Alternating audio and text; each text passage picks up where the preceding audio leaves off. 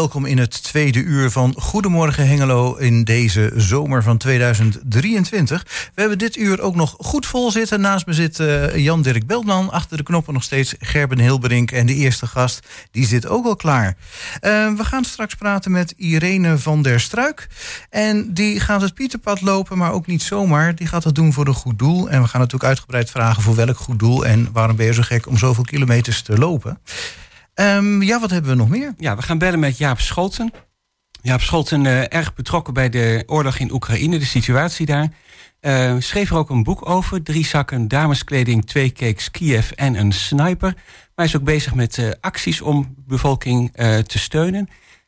Daarover gaan we straks met hem bellen. Ja, en dan hebben we Astrid Spit. En die, uh, ja, die, uh, ja, die wil heel graag iets doen met, met kinderen, met, met peuters. En die heeft een, ja, een organisatie opgericht, die noemt ze Peuterpassie. En we gaan even vragen wat Peuterpassie precies inhoudt. Nou, dat dus allemaal dit tweede uur. blijf luisteren dus en we starten met Genesis.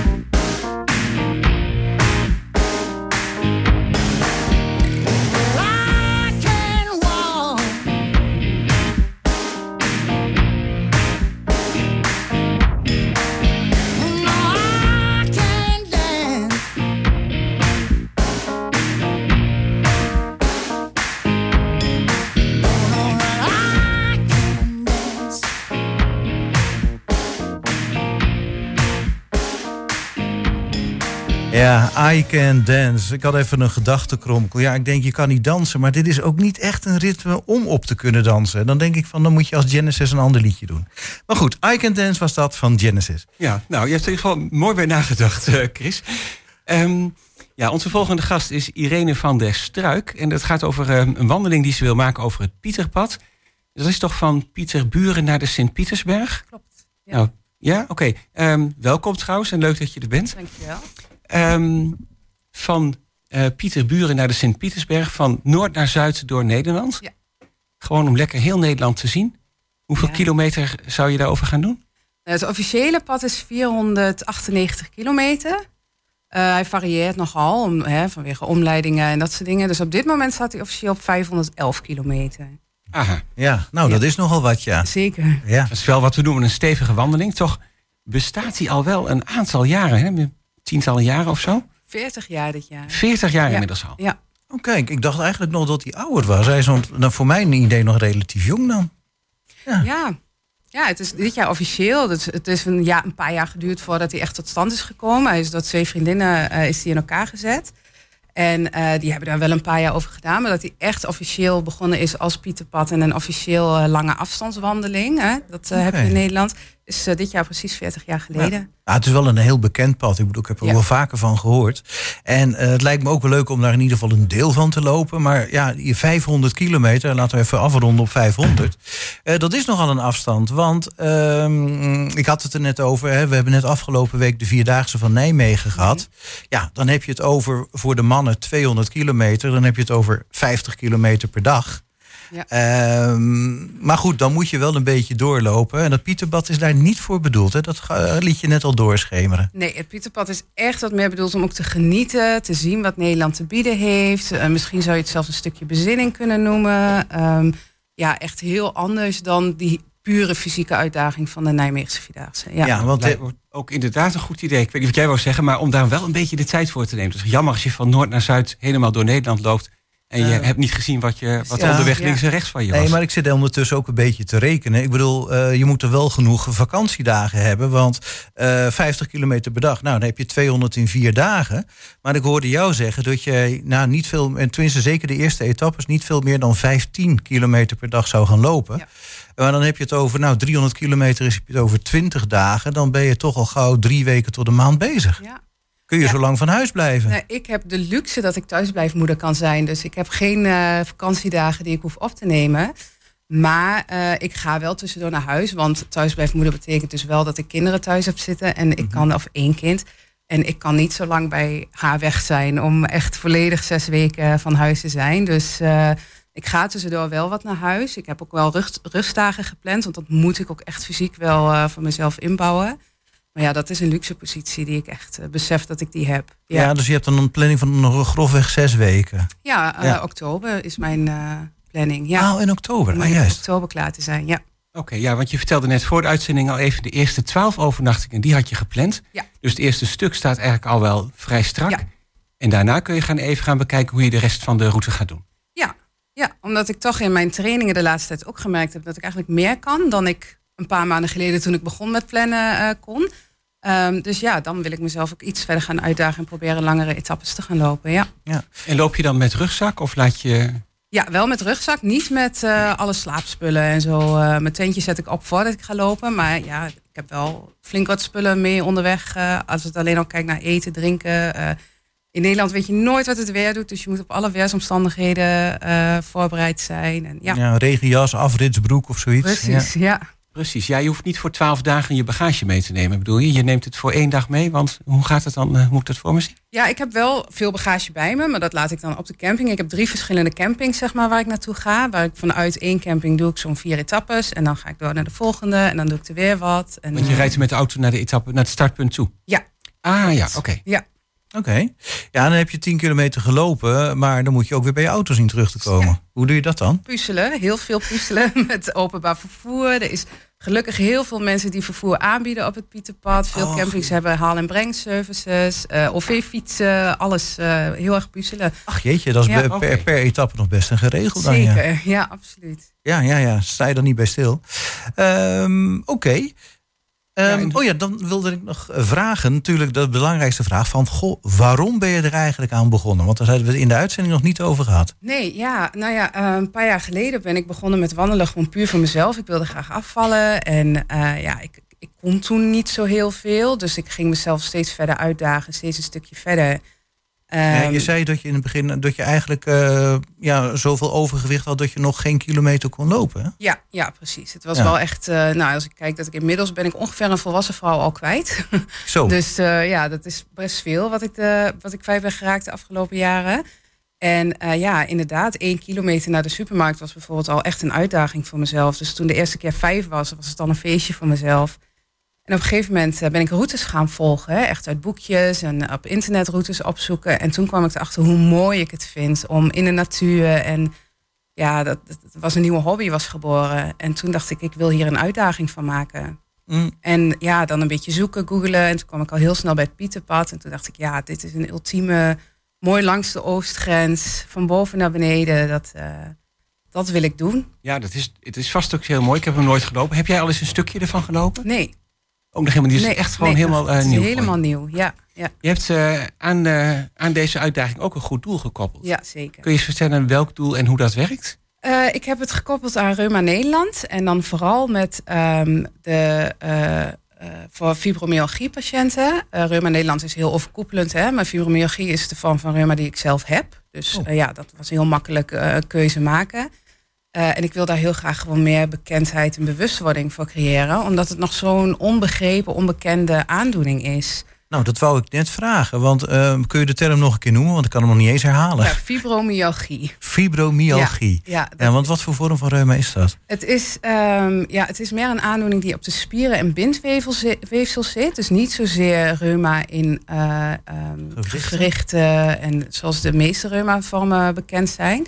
En het is ook nog heel onbekend, ook bij artsen zelf nog, dat ze eigenlijk niet zo goed weten waar het vandaan komt, uh, hoe het ontstaat. Er zijn zelfs mensen die zeggen dat het misschien neurologisch is, dat het een soort, hè, dat de zenuwverbinding niet helemaal goed zijn. Het enige wat bekend is, is dat spierspanning bij fibromyalgie-patiënten is een stuk hoger dan bij mensen die het niet hebben. En ja, het is heel grillig en bij geen patiënt hetzelfde. Dus uh, gewoon nog heel veel onbekend. En daarom wil mm. ik ook meer bekendheid uh, creëren, maar ook geld mhm. inzamelen voor onderzoek. Dat vind ik heel belangrijk. Ja. ja. Nou ja, je noemde dan onder andere je overgewicht, dat je nog geen kilometer kan lopen. Maar had die fibromyalgie daar ook mee te maken, dat je ook loopproblemen had? Ja, ja, het maakt je passief en dan kom je een beetje in een cirkel. Hè? Dat, uh, Doordat je minder doet, krijg je meer last. En je krijgt meer last omdat je minder doet. En uh, ja, dan, dan blijft dat een beetje zo doorgaan. Tot het op een gegeven moment zelf zei tot hier en niet verder. Ja, en dan, dan is het aan jou om dan die knop om te zetten en zeggen van nou, dan ga ik echt wat meer bewegen, dan krijg ik er ook wat minder last van. Ja. Ja, nou ja. dan is dit natuurlijk een fantastisch doel. Absoluut. Ja. ja. um, ja, goed, je noemde net ook al dat je ook al heel wat moest regelen. De eerste twaalf nachten heb je zo goed als geregeld. Um, ja, en de rest, dat is dan een beetje van, nou ja, dan maar improviseren onderweg. Eigenlijk wel. Zo sta ik ook gewoon een beetje überhaupt in het leven hoor. Ik ben heel erg van, ik zie je dat dan wel. Um, ik kan vanaf ongeveer eind onderin Drenthe tot Nijmegen zo'n beetje kan ik best wel veel vanuit huis doen. Uh, oh ja. Het openbaar mhm. vervoer vanuit Hengelo is natuurlijk heel goed, dus dat, uh, dat lukt wel. Ik heb gelukkig een hele fijne man die mij heel veel wil brengen en halen en ook stukjes meer wil lopen. Ik heb vrienden en vriendinnen die mee willen lopen af en toe. Dus, uh, ja, dan ben je ook niet helemaal alleen. Ja, precies. Ja, ik wil het graag delen ook met mensen die belangrijk voor mij zijn. Dus ja. ja. Ja. ja. aan de andere kant, eh, je, eh, je gaf het al aan, ik weet niet meer of dat nou voor of tijdens de uitzending was. Uh, is dat je tijdens het lopen, ja, je kan genieten van de natuur, je kan een beetje tot jezelf komen. Uh, soms raak je ook in een cadans, in een trance. Dat ken ik zelf wel een beetje, omdat ik ook wel wat gelopen heb. Um, dat vind ik soms ook wel heel prettig. Ja. ja, daarom heb ik ook gezegd, in essentie doe ik het alleen. Maar ik wil wel heel graag stukjes delen met mensen die dicht bij mij staan, omdat het toch echt wel een groot ding is voor mij mm -hmm. ook.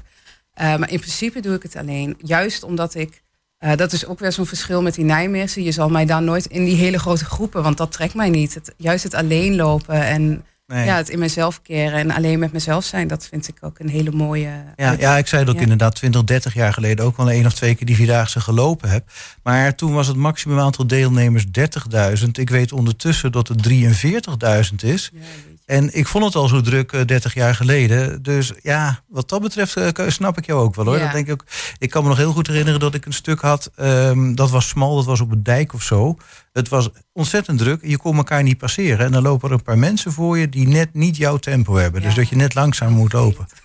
en als het dan de derde dag is, dat is super irritant. Ja, ja. Maar goed, daar heb je dan geen last van. Nee, gelukkig niet. Al schijnt Nee. het op het Pieterpad wel wat drukker te zijn. Zeker rond deze tijd van het jaar. Maar echt file lopen, dat, uh, dat doe je daar niet. Nee, nee, goed. Maar je gaf ook aan dat jij in oktober gaat lopen. Hè? Dan is het herfst, dan is het ook niet zo warm. Nee, ja, ik hoop in oktober klaar te zijn. Klaar ik te begin, zijn. mijn eerste uh, etappe loop ik op 19 augustus. Oh, oh dan al? Ja. Oké, okay, ja, ja, ja. Ja. Oh, dan uh, heb je toch wel zes tot acht weken Ja. uh, ervoor uitgetrokken. Een beetje, ik hoop, mijn man is 5 oktober jarig. Ik hoop eigenlijk voor die tijd klaar te zijn. Maar ik heb tot eind oktober een beetje uitgetrokken voor mezelf. En dan, uh, dan, dan moet het toch wel gedaan zijn. Uh, ja. ja. Ja, ja, ja. Um, ja, je hebt er zin in, hè? Ik, ik zie het volgens mij aan ja, je. absoluut. Ja, en goed. En je zegt dan dat je inderdaad die, spier, uh, die fibromyalgie, dat je die hebt. Maar je ziet er heel gezond uit. Oh, dankjewel. Ja, ja. ik, ja, ik nou hoop ja, dat maar je ook dat is het voelt. ook een beetje met fibromyalgie. Je ziet het niet. En Nee, dat is ik zie waar, absoluut waarom niks het ook zo je. uh, onbegrepen is. Ja, absoluut. Ja, nee, ja. dat is waar. Nee, ik zei net dat ze er zo gezond uitziet. Uh, zo, je, kan ook, uh, je kan ook totaal niet aan zien dat ze die ziekte heeft. En dan is het misschien ook wel lastig als je een keer slechte dagen hebt... om dat dan weer aan je vrienden en bekenden uit te leggen. Ja, absoluut. Ja. Ja. ja, het is een beetje dat clichéverhaal. Als je je benen in het gips hebt, ziet iedereen dat er wat is, zeg maar. En dat is bij dit niet. En de ene keer kun je alles en de andere keer kun je niets. En dat is heel moeilijk uit te leggen aan mensen, inderdaad. Uh, Mm. Ja. Ben je dan Ja. nog bang dat je dan uh, tijdens het, het wandelen... dat je dan nog zo'n terugval zou kunnen krijgen? Kan dat? Zeker, maar daar hou ik ook rekening mee. Ja, Vandaar ja. dat ik ook een beetje breder ben in de, in, in de planning. Dat ik er ook echt rekening mee hou dat er dagen zijn dat het gewoon even niet zo lukt. Ja. En ik ga altijd beginnen. Maar het kan zijn dat ik na vijf kilometer moet zeggen van ja, dit is hem vandaag niet. Oh, dat zou erg jammer zijn, ja. Nou Ja. goed, voor één dag is het niet erg... als je dan de volgende dag maar weer kan lopen. Ja. ja. Goed, um, uh, het is voor het goede doel. Um, je staat onder andere op fundme.com, hè, als ik het goed... GoFundMe, ja. GoFundMe. Ja. Ja. Oké, okay, dus iedereen kan je gewoon uh, vinden. Ja, zeker. Ja. GoFundMe, Irene van der Struik? Of heb je een bepaalde Ja, als je naam op mijn naam zoekt inderdaad. Als je Irene wandelt het Pieterpad of alleen Pieterpad. Er zijn heel veel uh, hits waarop je hem kan raken. Ik heb ook uh, Instagram, Dreen op stap. Kun je ook volgen. En daar staat een link naar mijn GoFundMe. Dus uh, ah, dan moet het gewoon uh, voor iedereen te vinden zijn. ja, zeker. Nou, dan wensen we je alvast een uh, ontzettend fijne wandeling. Dankjewel. Heel veel plezier en hopelijk zamel je er ook nog veel geld mee in voor... Uh, dat vroeger heette dat het Reuma-fonds. Ja, het Reuma-fonds, Reuma ja. Nederland. En tegenwoordig is het Reuma Nederland, ja. Nou, dankjewel Irene van der Struik. Dankjewel.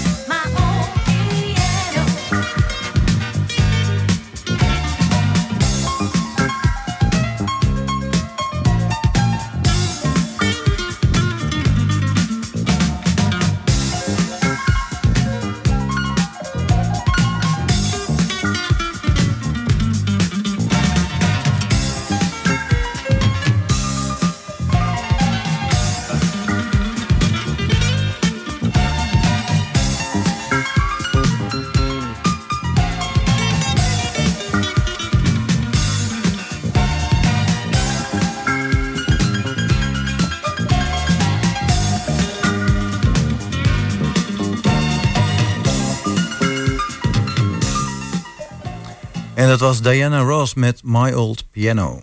Ja, het is al eh, geruime tijd dat er eh, op Oekraïns grondgebied een oorlog woedt tussen Rusland en Oekraïne.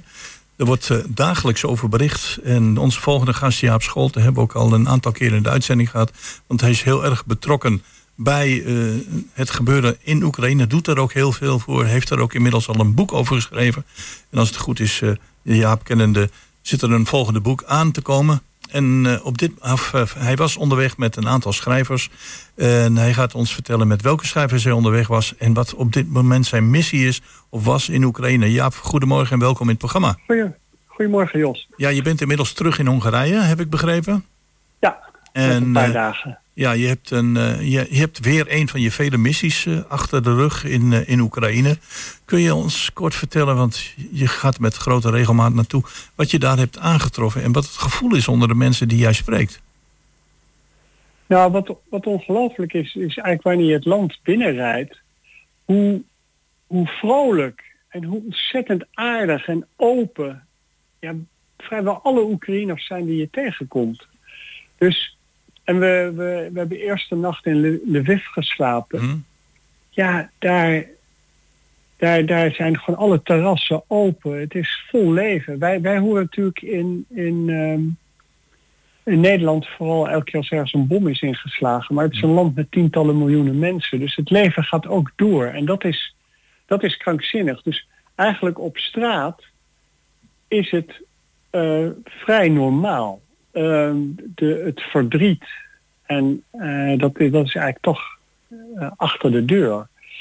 Want bijna iedere familie hè, heeft nu eh, wel iemand verloren of iemand die zwaar gewond is geraakt.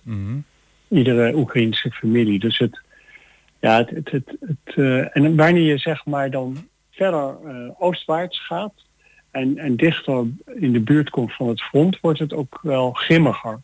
Eh, we zijn, eh, het verste plek waar wij zijn geweest is Tchernihiv. Dat is eigenlijk in het noorden. Dat is, daar wordt niet hard gevochten of zo, maar het is wel dicht bij de grens met Belarusia en ook dicht bij de grens met Rusland. En daar zijn we naar een militair hospitaal gegaan. Ja, en dan zie je allemaal mannen in uniform lopen die daar zijn om te herstellen. Ja, en dan zie je wel, je ziet aan die hoofden dat die mannen heel veel hebben meegemaakt. Ja, als, als ik, eh, als ik het de verhaal eh, heb gelezen van de mensen die daar eh, bezig waren, bijvoorbeeld in een van, de vele restaurants met het bakken van friet, en dan in één keer slaat er een bom in en die mensen moeten vluchten voor eigen leven, dan denk ik van Jaap Scholten, s- ben je samen met je reisgenoten, waar we het zo over gaan hebben, niet bang dat er ja, met jullie hetzelfde gaat gebeuren? Dat je een keer Nou. een bom op je dak krijgt of zo. Ja, ik had nu, een van mijn zonen was mee, dus ik was deze keer eigenlijk veel eh, bezorgder dan eh, de- de andere keren.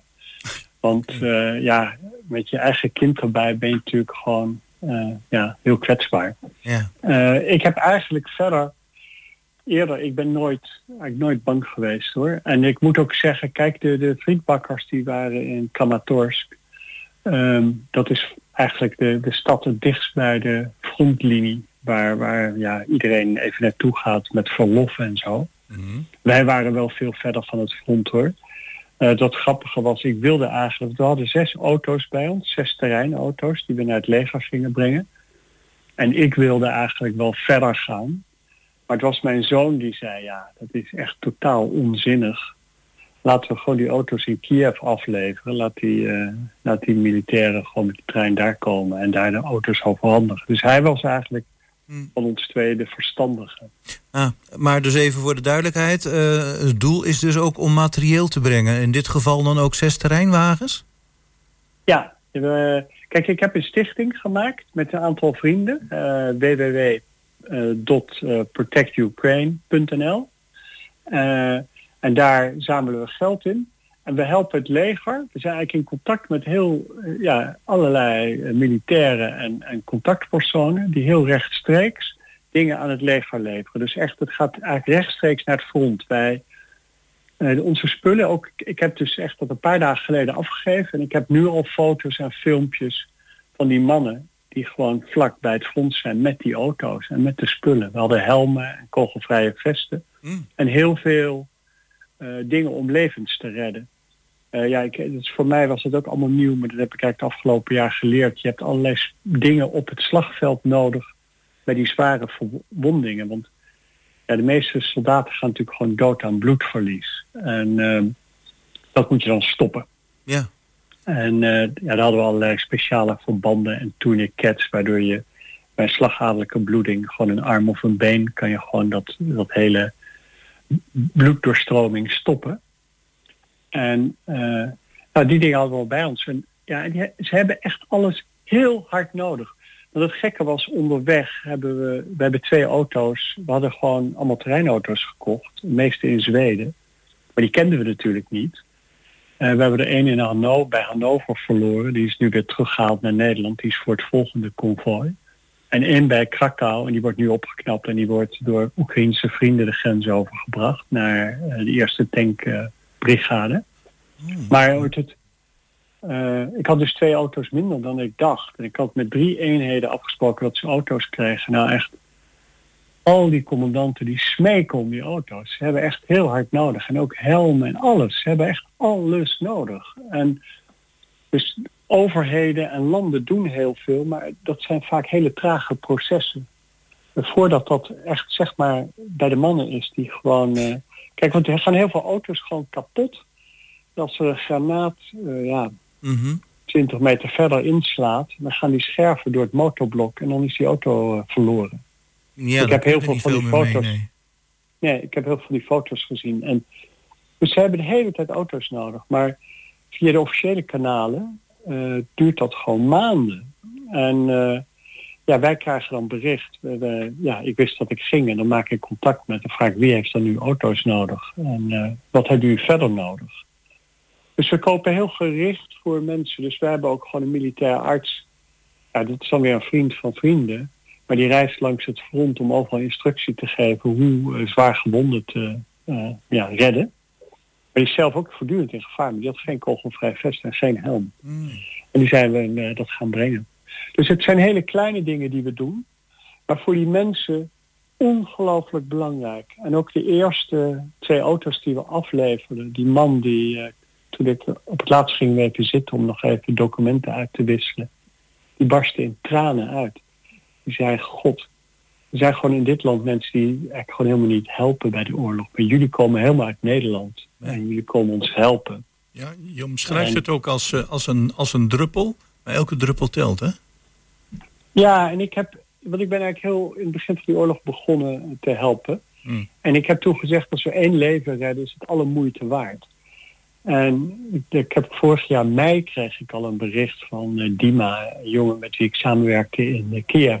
Die zei, ja, een van de jongens, die is bij eh, Sumi, heeft dus een granaat vlak bij hem ontploft en de scherven zijn in zijn helm geslagen. De helm die jij gegeven hebt.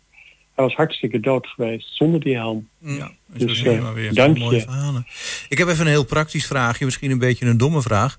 Als je dan die auto's hebt afgeleverd, hoe kom je dan weer terug? Nou, we waren met z'n veertienen. Er waren twee schrijvers bij, waaronder Pieter Waterdrinker en iemand die anoniem wil blijven, die niet Oekraïne in wilde, om, om eh, ja, voor hun moverende redenen. Mm. En die zijn tot de grens meegegaan en teruggegaan. Toen waren we met twaalfen. Maar we hadden dus ook al twee auto's verloren, dus dat is prima. En eh, die zijn in plukjes teruggegaan met de trein. Met verschillende treinen vanuit Kiev naar Warschau en dan terug naar Nederland. Ah, ja. en, ehm, en ik had één extra auto mee, gewoon een eigen auto. En, eh, ook de auto waarmee ik elke keer daar geweest ben, dat is zo'n Toyota Hilux. Dat is ook zo'n Oh ja. terreinauto. Die heeft enorme grote eh, terreinbanden, dus die ook met scherven op de weg en zo, die krijgt niet zo gauw een lekker band. En ehm, nou, dat, daarbij ben ik bij mijn zoon en ik had ook eh, Bas, mijn zwager, was ook mee. En met z'n drieën zijn wij teruggereden naar Hongarije vanuit Kiev. Wat, eh, wat ik me afvraag, je had eh, inderdaad een aantal schrijvers bij. Ik eh, zie hier in het artikel van Tubantia onder andere dat dat onze eigen Tommy Wieringa was. En, eh, ehm, maar je had ook rugbiers en roeiers bij je. Zijn dat mensen die jij dan zelf mobiliseert? Of worden die door vrienden van jou gemobiliseerd? En eh, Ja. is dit ook iets van, eh, want je omschrijft het als het Spaanse burgeroorlog gevoeld toen een heleboel eh, buitenlandse strijders in eh, 1937, 38 naar Spanje trokken. Ehm, Ben jij, zijn de mensen continu andere mensen aan het mobiliseren om ook tot actie over te gaan? Want het is niet niks om terreinwagens af te leveren. Nee, nou kijk, ik had die, die auto's. Ik, want we hadden met onze stichting een paar maanden geleden zes auto's gefinancierd, maar niet zelf gebracht. We hadden Mhm. een andere stichting, eh, Angels eh, of Ukraine, eh, gebracht. En eh, toen hoorde ik hoe ontzettend hard ze nodig waren. En we gaven wel af en toe financierden wij auto's. We hebben nu in totaal denk ik een stuk of twintig auto's al gedaan. En ehm, ook ambulance en, en allerlei auto's. En eh, dus soort het, maar, eh, nu gingen we zelf. Ja, en toen ben ik eigenlijk gewoon begonnen met vrienden te, te ronselen. En ik, ehm, ja, met zoiets moet je wel mensen hebben die niet te bangig zijn. Want het is natuurlijk heel lastig, ook gewoon de groepsdynamiek. Je moet natuurlijk met z'n allen overleggen wel- welke risico's je neemt en welke niet. En ja, dan moet je niet te veel mensen hebben die gaan enorm gaan jirmen rijden. Nee, Eh, nee, nee. nee. Gewoon, dus, eh, dus daardoor kwam ik veel uit op uh, roeiers en rugbyers. ja. En, en Niet zo eh, moeilijk doen. Zo van niet zeuren, maar doorlopen, hè? Ja. Ja, als, als Ja. mensen zeggen van... eh, als mensen jou willen volgen of eventueel willen doneren... of zeggen van, "Maar luister, ik ben zo'n type en ik zou wel eens een keer mee willen... kunnen ze jou dan bereiken eh, via Protect Ukraine? ja, dus die website www.protectukraine.nl. Daar kan je hem bereiken en daar kan je ook helpen. Mhm. En ehm, we hebben ook, we gaan wel weer nu een volgende eh, missie voorbereiden. Ehm, maar ik, eh, ik denk niet zo heel gauw dat ik eh, allemaal vreemden meeneem. Want ik, ik wil natuurlijk mensen, ja, je moet enorm samenwerken. En Ja. ehm, dus dat, ik denk niet dat ik dat zo heel snel zal doen. Nee. Ehm, maar iedereen die wil helpen, kijk heel graag. Want ik denk vooral, kijk nu, mensen, ja, die, die commandanten hebben aangegeven, ze hebben heel erg portofoons nodig. Ze hebben al die medische dingen nodig. Ze hebben ook slaapzakken nodig en matjes. Is hele ja, eenvoudige dingen die bijna iedereen wel eh, op zolder ergens heeft liggen nog. eh, Of in een kast. Dus we kunnen misschien in Twente een soort matjes en slaapzakken inzamelactie beginnen. Dat, dat, dat zou natuurlijk heel goed kunnen. En die kunnen ook ontzettend goed mee in die auto's, want die zijn natuurlijk heel flexibel. Ja, verder, ja, ze vragen alles, ook elektrische motorfietsen, Ja. ehm, drones, nachtkijkers, kijkers. Ja, en niet Ehm. iedereen heeft die in de kast liggen, dus dat, dat is een kwestie Nee, dus van... die eh, dingen, die kopen we ook. We, Ja. hebben dus ook, we hadden nu ook portofoons bij ons. En dan heb ik helemaal overlegd welke kwaliteit ze moeten hebben en welke, weet ik wat, golflengtes. mhm. Een technische vriend heeft daarbij geholpen. Ja, en daar zijn ze echt super blij mee. Want Ja. al die communicatie ook. Ehm, Ja. Hey, ja, dat is super belangrijk. Ja, ja, zeker. Ehm, als je het dan hebt over inderdaad eh, drones, nachtkijkers, dan begint dat wel op militair materieel te lijken. Moet je dan ook niet oppassen dat je dan weer eh, niet bepaalde verdragen schendt, dat je dat wel mag importeren? Ja, hoort nou, kijk, alles wat eigenlijk gewoon naar de Oekraïners gaat, eh, waar, waar ze heel streng in zijn, is dat het niet in de, bij de Russen terechtkomt. Nou ja, dat en ook. alles wat dual use is, moet je erg mee uitkijken. Dus ehm, wij doen heel strikt niks dat ook maar in de buurt van wapens komt. Dus het, eh, het is allemaal humanitair. En het zijn allemaal beschermende middelen. Dus ik moet ook zeggen dat wat we nu hebben gedaan waren gewoon eh tourniquets. eh, ja, al die medische dingen om levens te redden. En we hadden van twee ziekenhuizen allemaal spullen gekregen. Ehm, en verder hadden we helmen, kochvrije vesten en portofoons. Dus we hadden ja, heel eh, ja, echt beschermende middelen hadden we. Ja, goed, zoals je al eh, vertelde in je verhaal, elke, elk leven is er één en elke druppel telt, hoe klein of hoe groot dan ook. Heel moedig om dit te blijven doorzetten. Een vraag die jij denk ik niet kan beantwoorden, maar ik ga hem toch stellen van, hoe lang gaat dit nog duren, Jaap? Ja, dat is ontzettend moeilijk te zeggen. Maar wat, wat, echt, nou, wat echt heel indrukwekkend is wanneer je in Oekraïne bent. En ik heb dus contact met allerlei mensen. En dat zijn gewoon vaak mannen van mijn leeftijd, of tien of twintig jaar jonger. Vaak heel slim. Eh, en de opofferingsgezindheid van al die mensen om, om ja, te gaan vechten. Want zeg je, alle professionele soldaten zijn al dood. Dat zijn allemaal mannen die gewoon, net jij en ik, eh, gewoon een baan hadden eh, anderhalf jaar geleden. En nu hun leven redden, eh, wagen en, en ook vaak dood. Veel van die mannen gaan dood. Je ziet eigenlijk dat die, die, die zo'n de beste mensen van een land verdwijnen gewoon. En dat is gruwelijk om aan te zien. Dus je hoopt dat het echt heel snel ophoudt.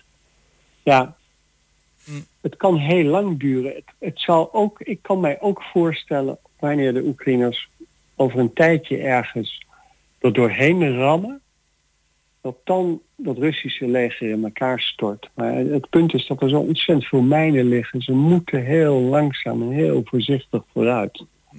En, eh, dus, en dat, daar ben ik wel blij om. Ze, ze doen dat wel eh, ja, heel nadenkend. En wel overwogen. Dus niet zoals die Russen die alles ja, doen met een enorme massaliteit. Met ja, volledig disrespect voor ieder mensenleven. Jaap, we blijven je Dus- volgen met Protect Ukraine. En eh, ja, ik hou het, eh, omdat we allebei weten Ja. dat het er nog lang niet op zit. Tot een eh, volgende keer. En in die tijd succes met je missies. Groeten aan je maten. En bedankt voor het Dank je interview. wel. Ja, dank je. Dag Jos. Dag.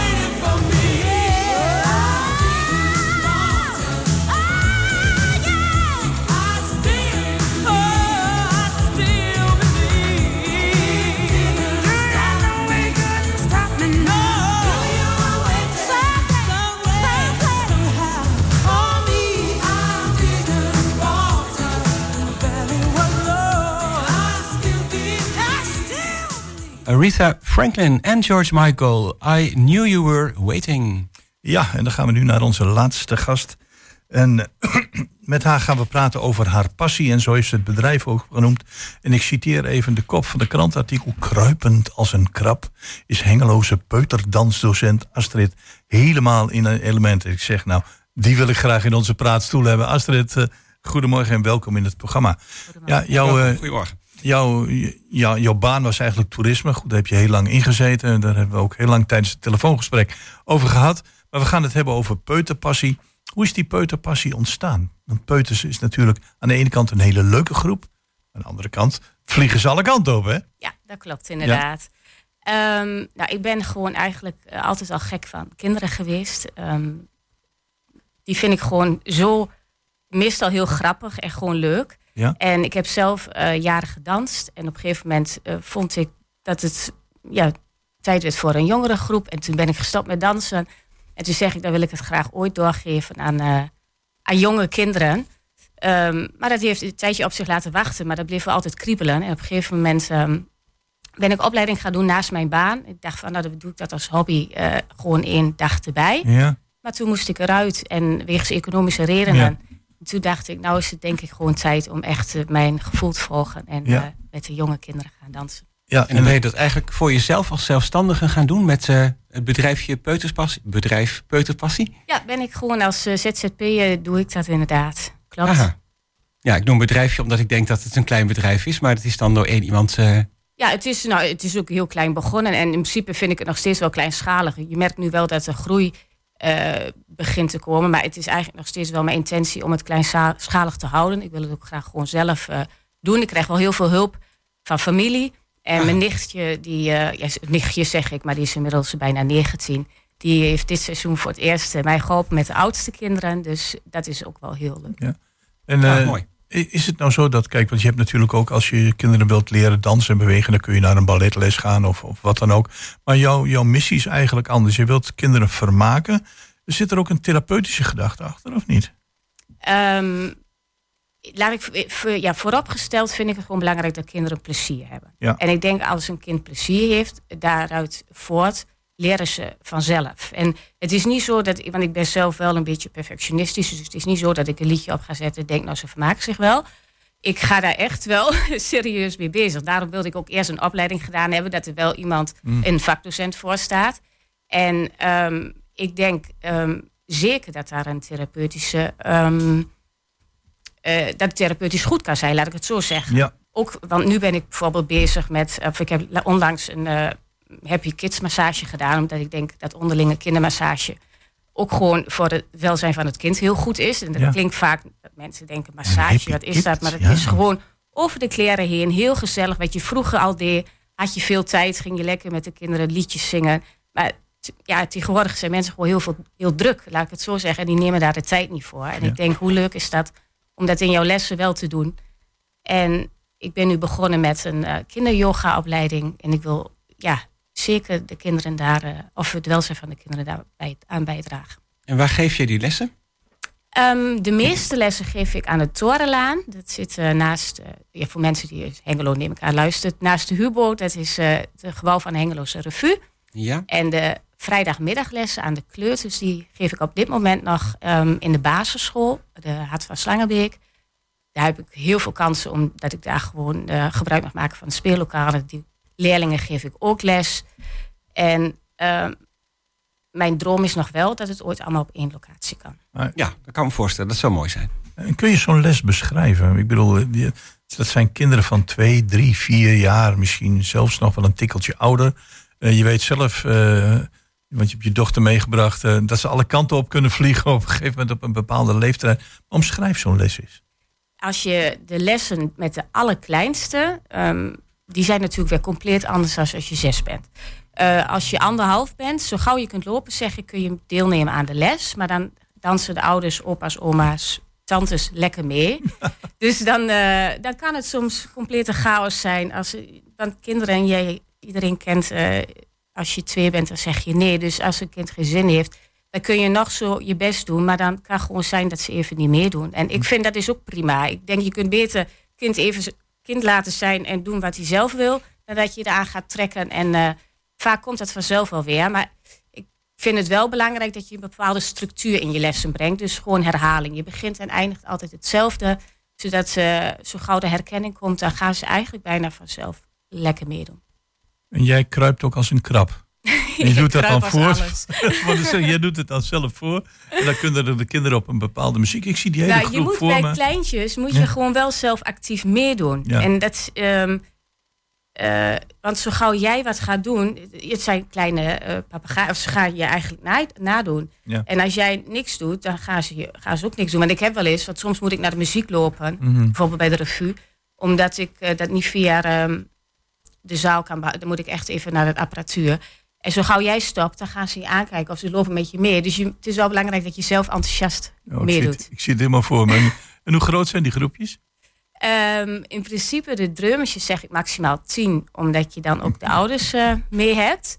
Ehm, normale groepen vind ik eh 12 mooi. Ik, ik wil niet groepen van 20 kinderen. Dat eh vind ik Nee, zelf oké. niet prettig. En de leeftijd is ongeveer eh 1, anderhalf jaar tot een jaar of acht? Ja. Oké. En kinderen van anderhalf jaar, daar kun je echt ehm, ja. Ja. bewegen op muziek eh, ja, mee doen? ja, zeker. Je merkt wel, er zit gewoon een heel groot verschil bij je anderhalf of tweeënhalf. Op die leeftijd is het echt, eh, Ja? gaat het gewoon per maand zie je ze groeien. Maar met anderhalf, ook al eh, kijken ze lekker en ze bewegen mee. en ze- ja, de meesten vinden het gewoon... Zo natuurlijk iets, denk ik, hè, voor een mens. Om mee te bewegen met klanken en ritmes en zo. Ja, klopt. Stilzitten is voor kleine kinderen nee, eigenlijk... is eh, echt het is niet een aangeboren talent. Nee. nee, nee. En nou zag ik, je geeft ook workshops. Is dat dan eh, voor volwassenen over hoe je ehm, nou, peutergym en peuterbeweging kunt doen? Of is dit ook, zijn het workshops aan kinderen? Dit zijn, eh, de meeste zijn workshops aan kinderen. Gewoon op eh, basisscholen kunnen bijvoorbeeld een, een workshop... eh Ah ja. prentenboekplezier. Dan ga je aan de hand van een verhaal ga je een cursus eh, of op het thema waar ze op dat moment mee bezig zijn. Ehm, ik, het is nu wel, eh, er komt een workshop voor ouders, maar dat heeft dan meer met de kindermassage te maken, om ze dat, eh, zodat ze thuis met hun eigen kind eh, dat eventueel toe kunnen passen. Ah ja, precies. Dus die workshops die geef je ook wel op andere locaties. Die geef ik op scholen. Ja. Ja, Ah, ja. op de basisscholen. Meeste in Hengelo, af en toe een keer in Enschede, Almelo. Maar meeste- Nou, eh, nou zie ik Ja. hier op een foto op jouw website allemaal. Zijn, lijken allemaal kleindochters van me. Eh, eh, meisjes allemaal in roze, in van die tutuutjes, of hoe noem oh, je de dat? eerste foto's. Ja, denk dat, dat, Ja. Dat, dat, maar ze kunnen gewoon de kleding meenemen die ze zelf willen. Hè, als ik ze maar zeg blij altijd, ehm, dat is toevallig van een voorstelling, die Ja. foto. Daarom hebben ze hetzelfde aan. Eh, ze moeten wel kleren aan die makkelijk zitten. Dus in spijkerbroekjes dansen ben ik geen voorstander van. Maar ze kunnen gewoon lekker aandoen wat ze zelf fijn vinden. Soms komen ze helemaal verkleed. Is ook allemaal prima. En de ouders eh, van één tot moeten de ouders erbij blijven. Anders dan giert het alle kanten op. Of ze- Ja, eh, het is ook voor het kind zelf, Ja. denk ik, fijn. Als je ze dan al alleen... Ja, kan wel, maar ik, ik ben daar geen voorstander van. nee, misschien is dit wel heel gezellig, eh, zo op deze manier. Ja. maar Kan ik nu, wel voorstellen. Lila gaat dansen. Dus dan ben je ook nog schrijfster. Want ik heb hier twee prachtige kinderboeken voor me. eh, met heel veel illustratie. De een, ja, deugd niet is ondeugend. Ja, Nou, die, die moet je gelezen hebben volgens mij. Als ik naar jouw uh, pretoogjes kijk, dan denk je van... Goh, dit is Astrid, deugd, dit is ondeugend. En Lila gaat dansen, daar ben je mee begonnen. Waarom heb je dat gedaan? Je bent dansdocente, je vindt het leuk om met kinderen om te gaan... en je denkt van, laat ik ook maar een boek schrijven. Hoe is dat ontstaan?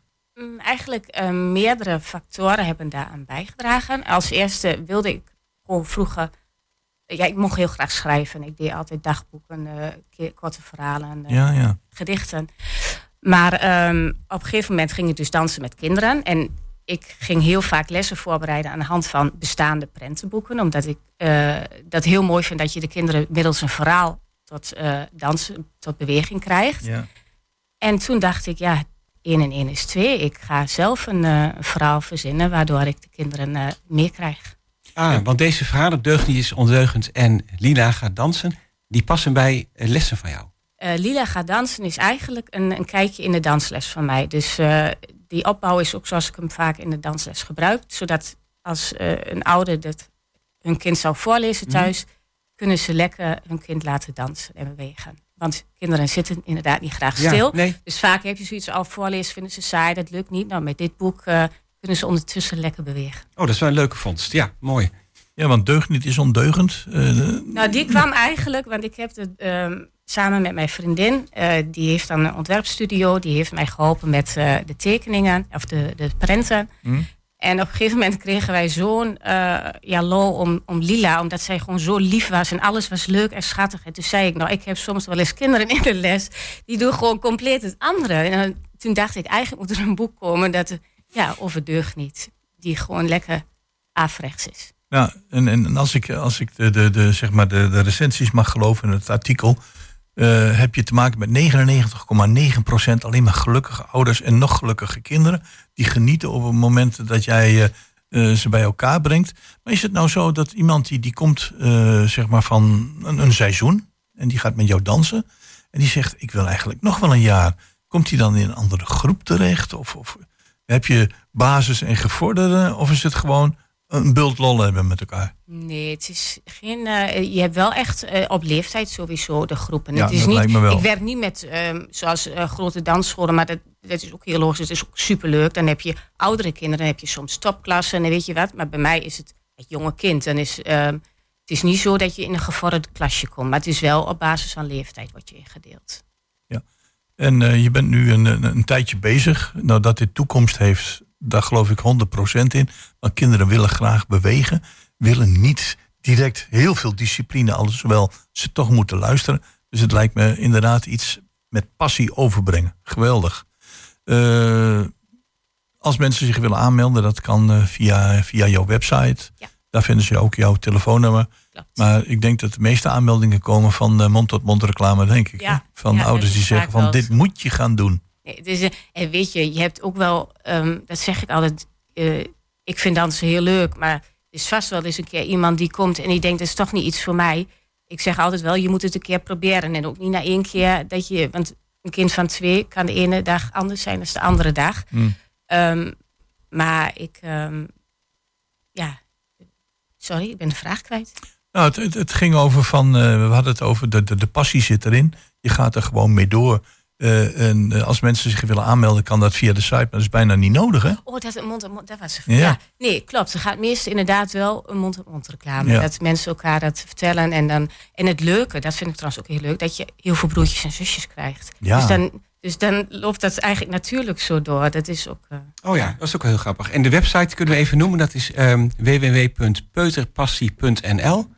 En daar kun je alle informatie vinden. Staan ook je contactgegevens, denk ik, op. ja, daar staat, ik heb eh, het rooster nu bijgewerkt. Het staat nu ook eh, correct. Dus daar staat alles op. Oh, fijn, want er zal een zomerstop zijn misschien. Ja, we zijn nu tot eh 4 september beginnen de lessen weer. We hebben nu een zes weekjes vakantie. Ah, kan ik weer nieuwe lessen voorbereiden. Ja, het is ja, niet ja. zo dat ik... ik ga daar wel echt serieus mee om. Het is niet zo dat ik... ik wil het altijd wel heel graag goed voorbereiden. nou, dat kan ik me voorstellen. Dus, Dus bij de start van het nieuwe schooljaar van de basisscholen hier, dan start jij ook weer. Ja, het klopt. is geen kieken wat wordt, hè? Nee, het is gewoon, eh, Ja, ja, toch wel een beetje structuur aanbrengen. Maar dat hebben kinderen ook nodig Ja. natuurlijk, hè? zeker. En waarschijnlijk ook iedere keer toch weer iets anders eh Je aanbieden wil, dat natuurlijk. is het. Want dat zei, moet mijn man altijd wel om lachen. Want eh, zei, die, zei ik van, ach, na een jaar kun je wel een keer herhalen. Maar je wilt toch ook zelf steeds weer iets nieuws. eh, dus Ja. ja, dat geloof ik graag. En, en de muziekstijlen eh, veranderen natuurlijk ook met de jaren, hè? Ik bedoel, eh, dat, ja. ik bedoel had, je, had je vroeger liedjes over rood kapje en weet ik wat. Nou, nou en tegenwoordig. toch, soms doe ik nog wel eens oude liedjes. En die, sommige blijven gewoon altijd leuk. Goed. Peuterpassie, hier in de studio met Astrid Spit. Bedankt voor het interview. Succes met, eh met Peuterpassie. Maar dat gaat ongetwijfeld wel leven. En ja, en, en de boeken, hè? Ja, dat Deugd zou niet ik is ondeugend. die, En eh, Lila gaat dansen. Die, eh, die staan ook op jouw site Die vermeld. staan ook op mijn site. En- Bedankt. Leuk, het is voor iedereen te vinden. Dankjewel. En daarmee eh, zijn we ook bijna aan het einde gekomen van deze Goedemorgen Hengelo van 22 juli 2023. De laatste live-uitzending eigenlijk eh, deze zomer. We gaan er een tijdje uit voor onze zomerstop. Maar we hebben wel de zogenoemde specials, literaire specials. Eh, gesprekken met schrijvers die te gast zijn geweest in het programma Goedemorgen Hengelo. Die bundelen, we en zenden we de komende weken uit. En wanneer we er weer live zijn, dat hebben we ook nog niet helemaal eh, bepaald. Dus dat staat nog niet in onze agenda. Maar dat zal vast en zeker enige weken duren. Voor nu heel erg bedankt voor het luisteren. Alle luisteraars hele fijne zomer gewenst. En dan heel graag tot een volgende keer.